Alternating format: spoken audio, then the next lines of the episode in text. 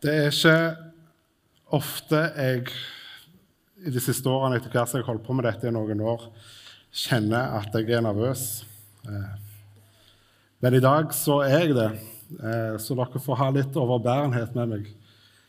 Eh, det er en viss sannsynlighet for at mamma og pappa sitter og ser dette på, på livestream. Jeg pleier å spøke om det at mamma er mer nervøs enn det jeg er.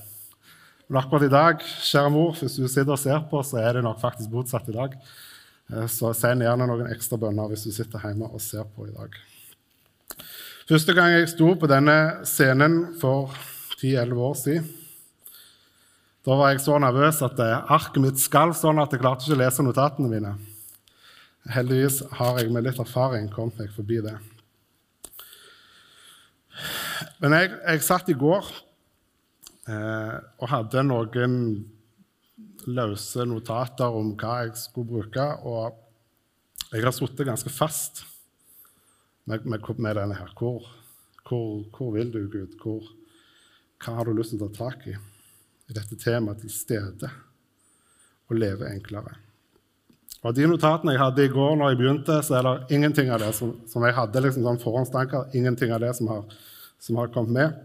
Så tallene er, er helt ferske ikke så gjennomarbeida som jeg skulle likt at han var. Um, så hvis dere har lyst til å være med på en kort bønn om at Den hellige ånd skal få lov til å skine, så blir dere med på det. Herre, vi priser deg for at du er til stede her og nå.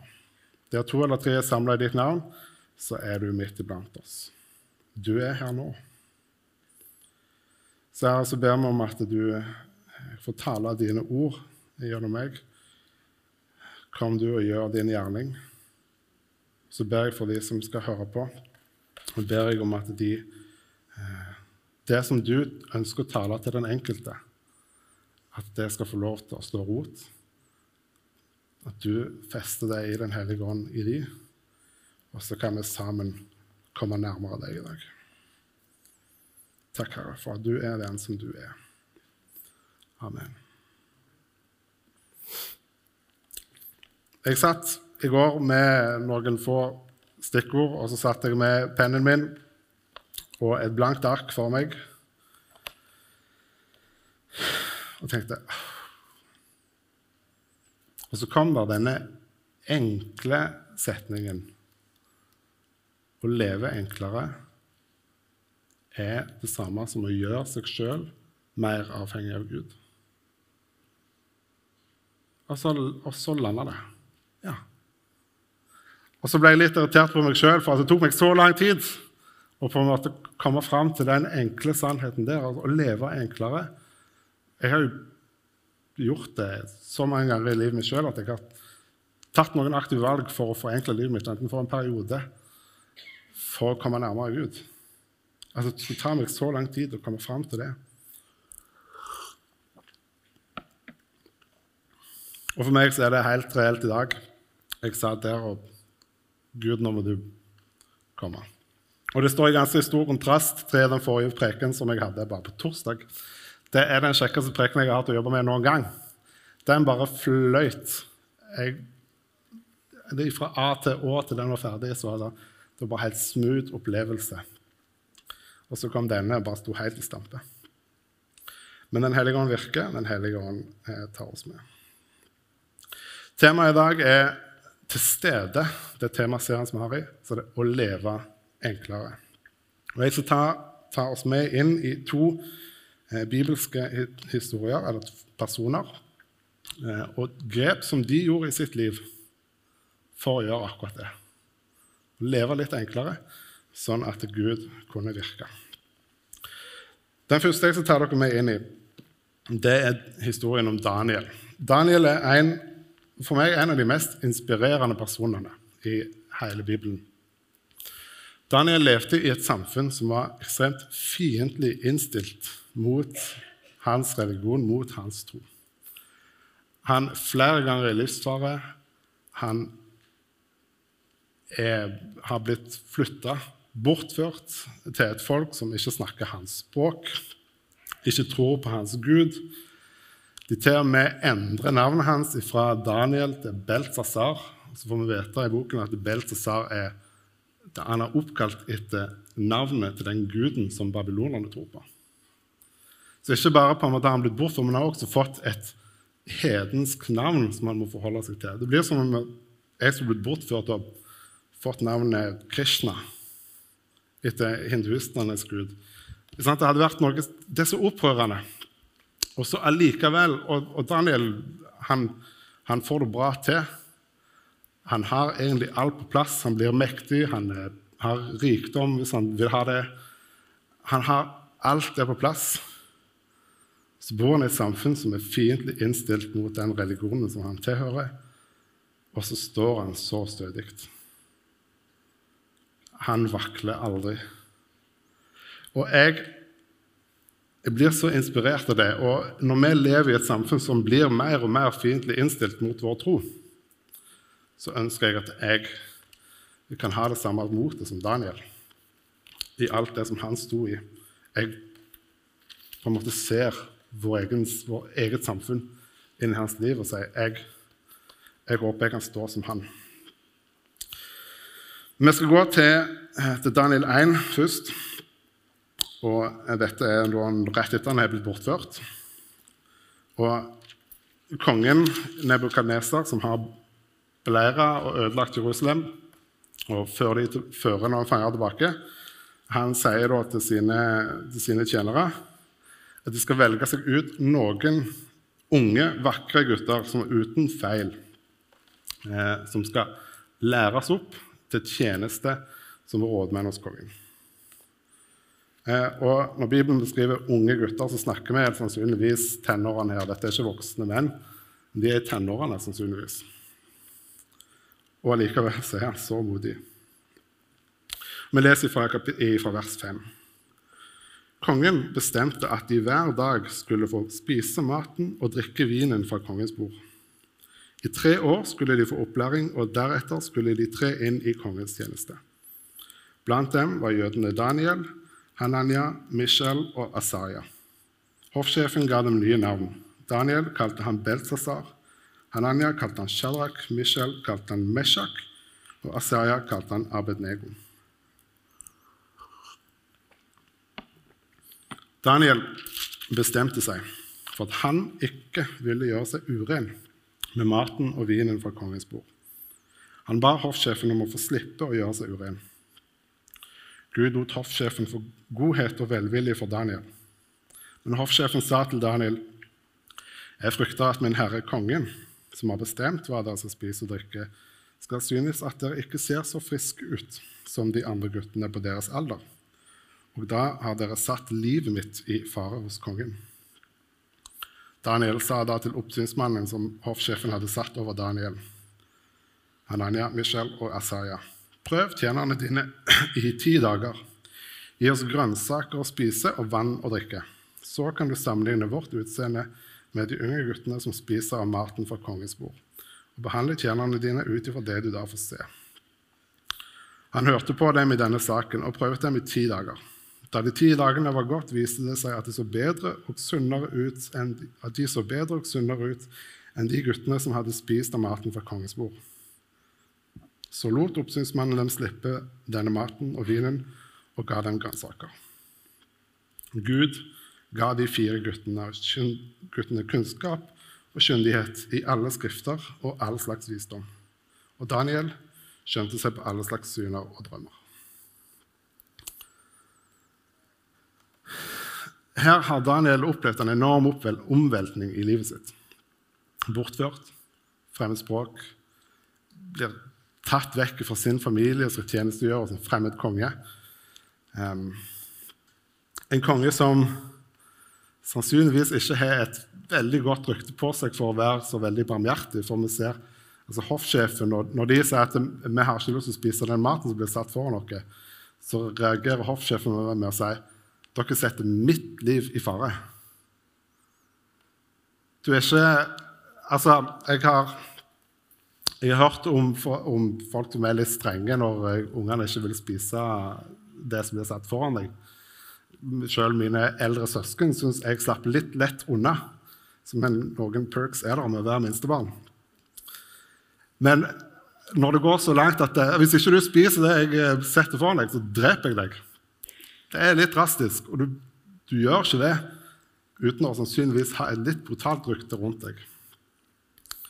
Så Daniel er i, i en brutal situasjon. Og så allikevel så sier han at jeg har ikke lyst til å gjøre meg urein med den maten som blir satt for meg. Og han går mye lenger enn det forskriftene til jødene sier. Der er mat som står på det bordet som man har lov til å spise ifølge deres renhetsforskrifter. Han går mye lenger enn det. En tenåringsgutt som frivillig sier «Vi har bare hjemme grønnsaker og vann, det tror jeg aldri jeg har hørt om før. Men for å gjøre livet sitt enklere, for å slippe å stri med den samvittigheten av hva har jeg lov til å spise for å følge Guds bud i mitt liv, så sier han forenkle forholdene for meg sjøl, han og de fire andre. Vi vil, ha det litt, vi vil, ha litt, enklere rammer, sånn at Gud kan få større rom i vårt liv. Og det funker. Det funker. Gud viser velvilje mot dem.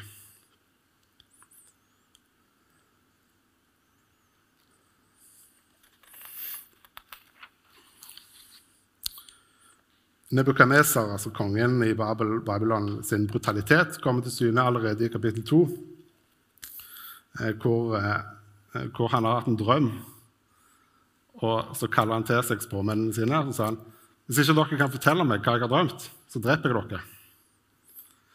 Så vi skjønner litt at dette er, dette er en brutal konge som Daniel skal tjene, tjenestegjøre hos. Eh, og allikevel så, så sier han at jeg vil ha litt enklere forhold rundt livet mitt så Gud kan komme til stede.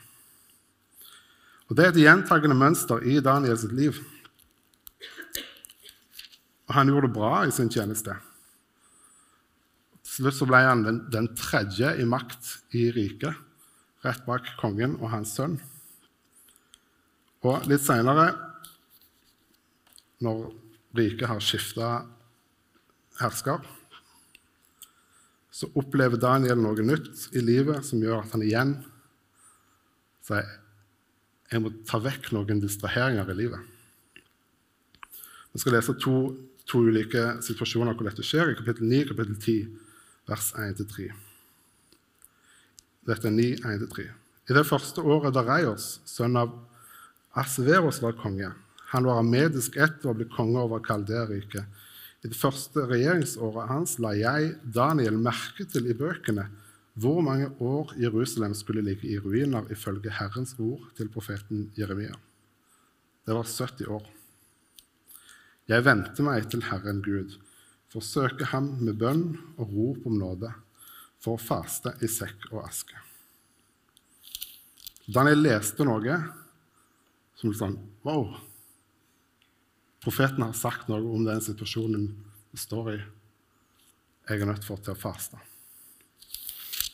Og det samme i kapittel 10.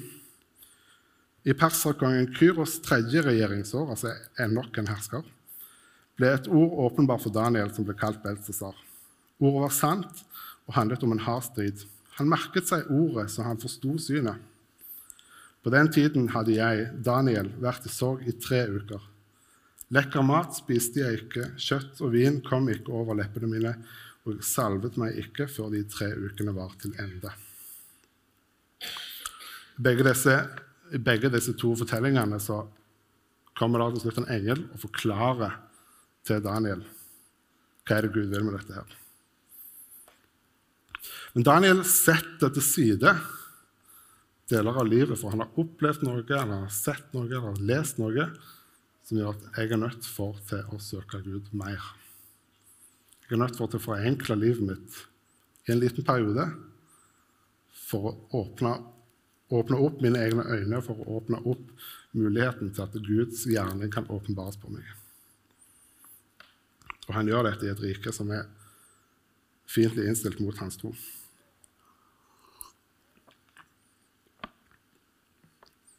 Tre ulike situasjoner så gjør han dette her. Han søker visdom og forstand. På den første fordi har det har vært en stor omveltning i livet hans. Han, treng, han trenger å bare holde seg litt nærmere kilden for å takle de omveltningene. Så har han lest noe. Dette, dette snakker vi om folk, folk om i dag. Jeg har lest noe som rører meg.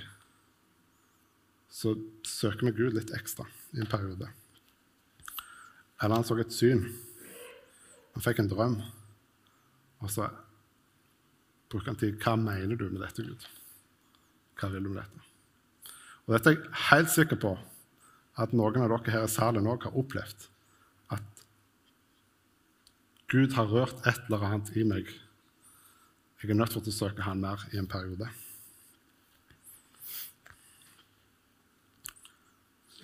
Den andre personen vi skal se på i dag, det er Elisha. Og, og Elisha sin måte å gjøre dette på den er mye mer dramatisk, eh, mye mer eh, permanent. Eh, til grenser, på grensen til uansvarlig, vil jeg påstå. Um, tror ikke han var så veldig populær kanskje hos sine foreldre sånn akkurat rundt denne tiden. Men Elisha, eh, bare litt sånn kontekst hvem han var. Eh, vi har profeten Elia, så er det etterfølgeren hans som er profeten Elisha. Så profeten Elia han, han, det er han som var på fjellet og hadde en konkurranse, en veddemål, med Baal sine profeter. De bygde opp hvert sitt alter, og så sa de ja, vi skal se hvem som virkelig er Gud. Eh, vi skal ikke tenne fyr på alteret, for det skal guden vår gjøre. Og Baal sine profeter de ba, og de begynte å skjære i seg sjøl. Elia han bare lo av dem. Så når det var Elias tur, så sa han bare ta så hell litt vann på bålet først, på alteret, sånn at det er skikkelig bløtt. Og Så ber han én en enkel bønn, og så voff, så står det i flammer. Og Denne opplevelsen kommer Elia fra, og så ble ettervirkningene kanskje ikke helt sånn som han så for seg, for han havna i livsfare. Folk ville ta livet av han. Han hadde rømt ut i ørkenen og hadde egentlig satt seg ned for å dø. Og så, i den mørke dalen som Elia befinner seg i, så får han beskjed fra Gud at du skal kalle Elisha til å bli din etterfølger. Så går Elia bort da, og vi kan lese første kongebok 19, 19-21. Elia dro bort fra Horeb og fant Elisha, sønn av Shafat, som holdt på med å pløye. Tolv par okser gikk foran ham, og selv fulgte han det tolvte paret. Med det samme Elia gikk forbi, kastet han kappen sin over ham. Da forlot Elisha oksene, sprang etter Elia og sa, La meg først få kysse min far og min mor til avskjed, så skal jeg følge deg. Elia svarte, Gå, og kom så tilbake igjen, for du vet vel hva jeg har gjort med deg. Da vendte Elisha seg fra ham. Han tok de to oksene, slaktet dem, og med åker som brensel kokte han kjøttet. Det ga han til folket, og de spiste. Så reiste han seg og fulgte Elia som hans tjener. Se for deg at du er foreldrene til Elisha her. Og du vet at Elisha er ute på markene og jobber han er med å sikre familien sin inntekt, at vi har mat på bordet og hun tak over hodet. Og så kommer han inn, og så sier han ehm, jeg har slakta to av oksene. Jeg brukte åker som brensel for å koke kjøttet, og jeg ga alt til folk rundt oss. Ehm, og så flytter jeg ut. Snakkes. Glad i dere. Altså Maken til, til, til, til, mangel på respekt på foreldrenes eiendom han, han tar jo dette her helt ut av proporsjoner.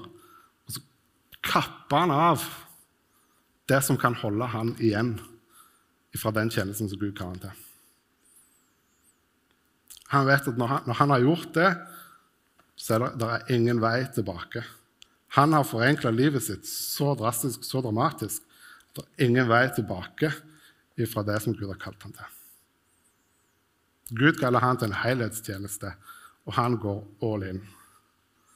Han fjerner sin mulighet til en fast inntekt og sier jeg, jeg følger Elia. Jeg blir med på det som Gud gjør.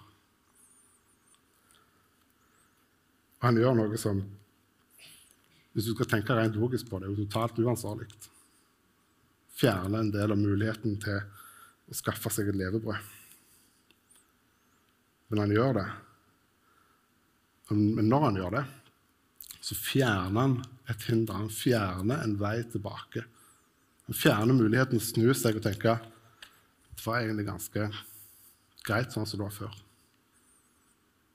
Det er en prøvelse å følge Gud. Det tar han vekk.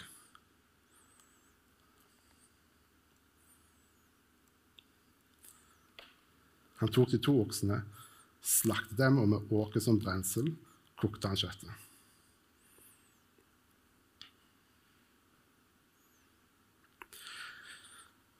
Disse to, Daniel og Lisha, på hver sin måte så forenkler de livet sitt. De tar vekk noen hinder. De tar vekk noe som kan distrahere dem fra deres relasjon til Gud. Daniel får en periode. Han kutter ut noe for en periode, noen uker. Elia kutter det ut for et helt liv. De gjør det for å være mer til stede. For å være mer i nuet, i det som Gud kaller de her og nå. Hva er det som hindrer deg?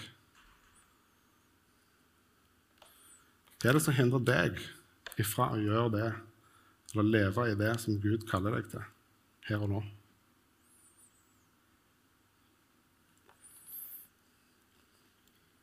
Det er et spørsmål som bare du kan svare på.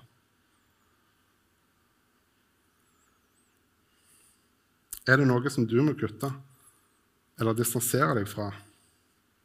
Enten for en periode, sånn som Daniel, eller kanskje du må kappe noe ut av livet ditt, sånn som Elisha. Sånn at du kan være mer til stede, sånn at Guds gjerning kan åpenbares på deg. Og eller for at dine øyne skal åpnes, sånn at du kan se den gjerning som Gud allerede gjør i livet ditt.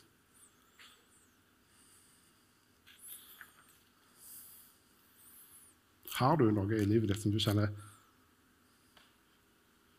Dette distraherer meg ifra Gud? Sannsynligvis de fleste av oss har det. Og vi er inne i, vi er inne i fastetiden. Den har vi hvert år. så kommer den, 40 dager før påske. Det er noe med den rytmen. Å ha det at vi har den perioden i livet hvor det blir litt lagt opp til at vi kan, vi kan ta vekk noe fra livet, noen distraheringer. Gjøre livet litt enklere for en periode. Så det er viktig å si for meg at dette med faste å gjøre livet sitt enklere for å leve nærmere Gud enn for en periode eller permanent. Det er ikke et spørsmål om vår frelse. Vår tilhørighet i himmelen den er allerede satt. Faste handler ikke om noe vi må gjøre for å fortjene å komme til himmelen. Faste det er medisin for sjelens velferd her og nå, i den tiden vi vandrer på jord. Det er en velsignelse. Det er ikke en pålagt ting vi må gjennom, men det er en velsignelse for det som skjer her og nå. For det som Gud kaller deg til her og nå derfor vi har det. For å åpne våre øyne, for å åpne oss opp, for å se og oppleve mer av Guds gjerning i våre liv.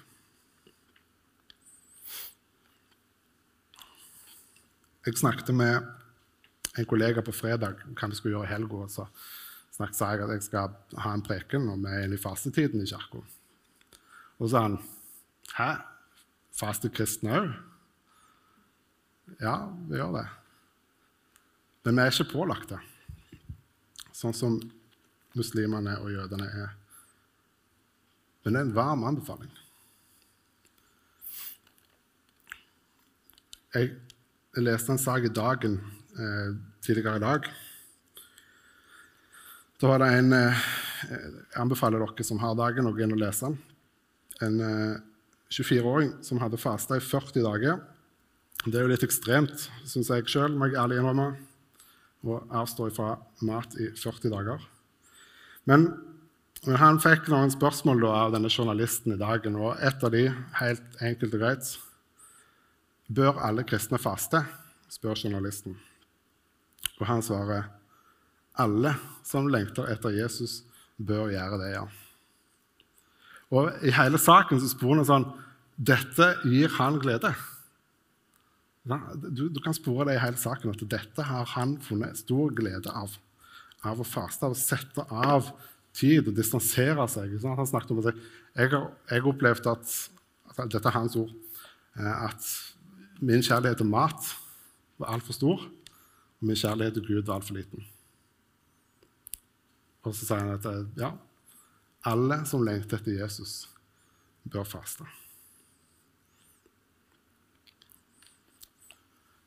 Hva er det du har i livet ditt som hindrer deg ifra å gjøre det som Gud kaller deg til? Eller for å se det som Gud gjør i ditt liv her og nå? Faste er ikke for vår evige tilværelse, men det er medisin for sjelens velferd her og nå, i den tiden vi vandrer her på jorda.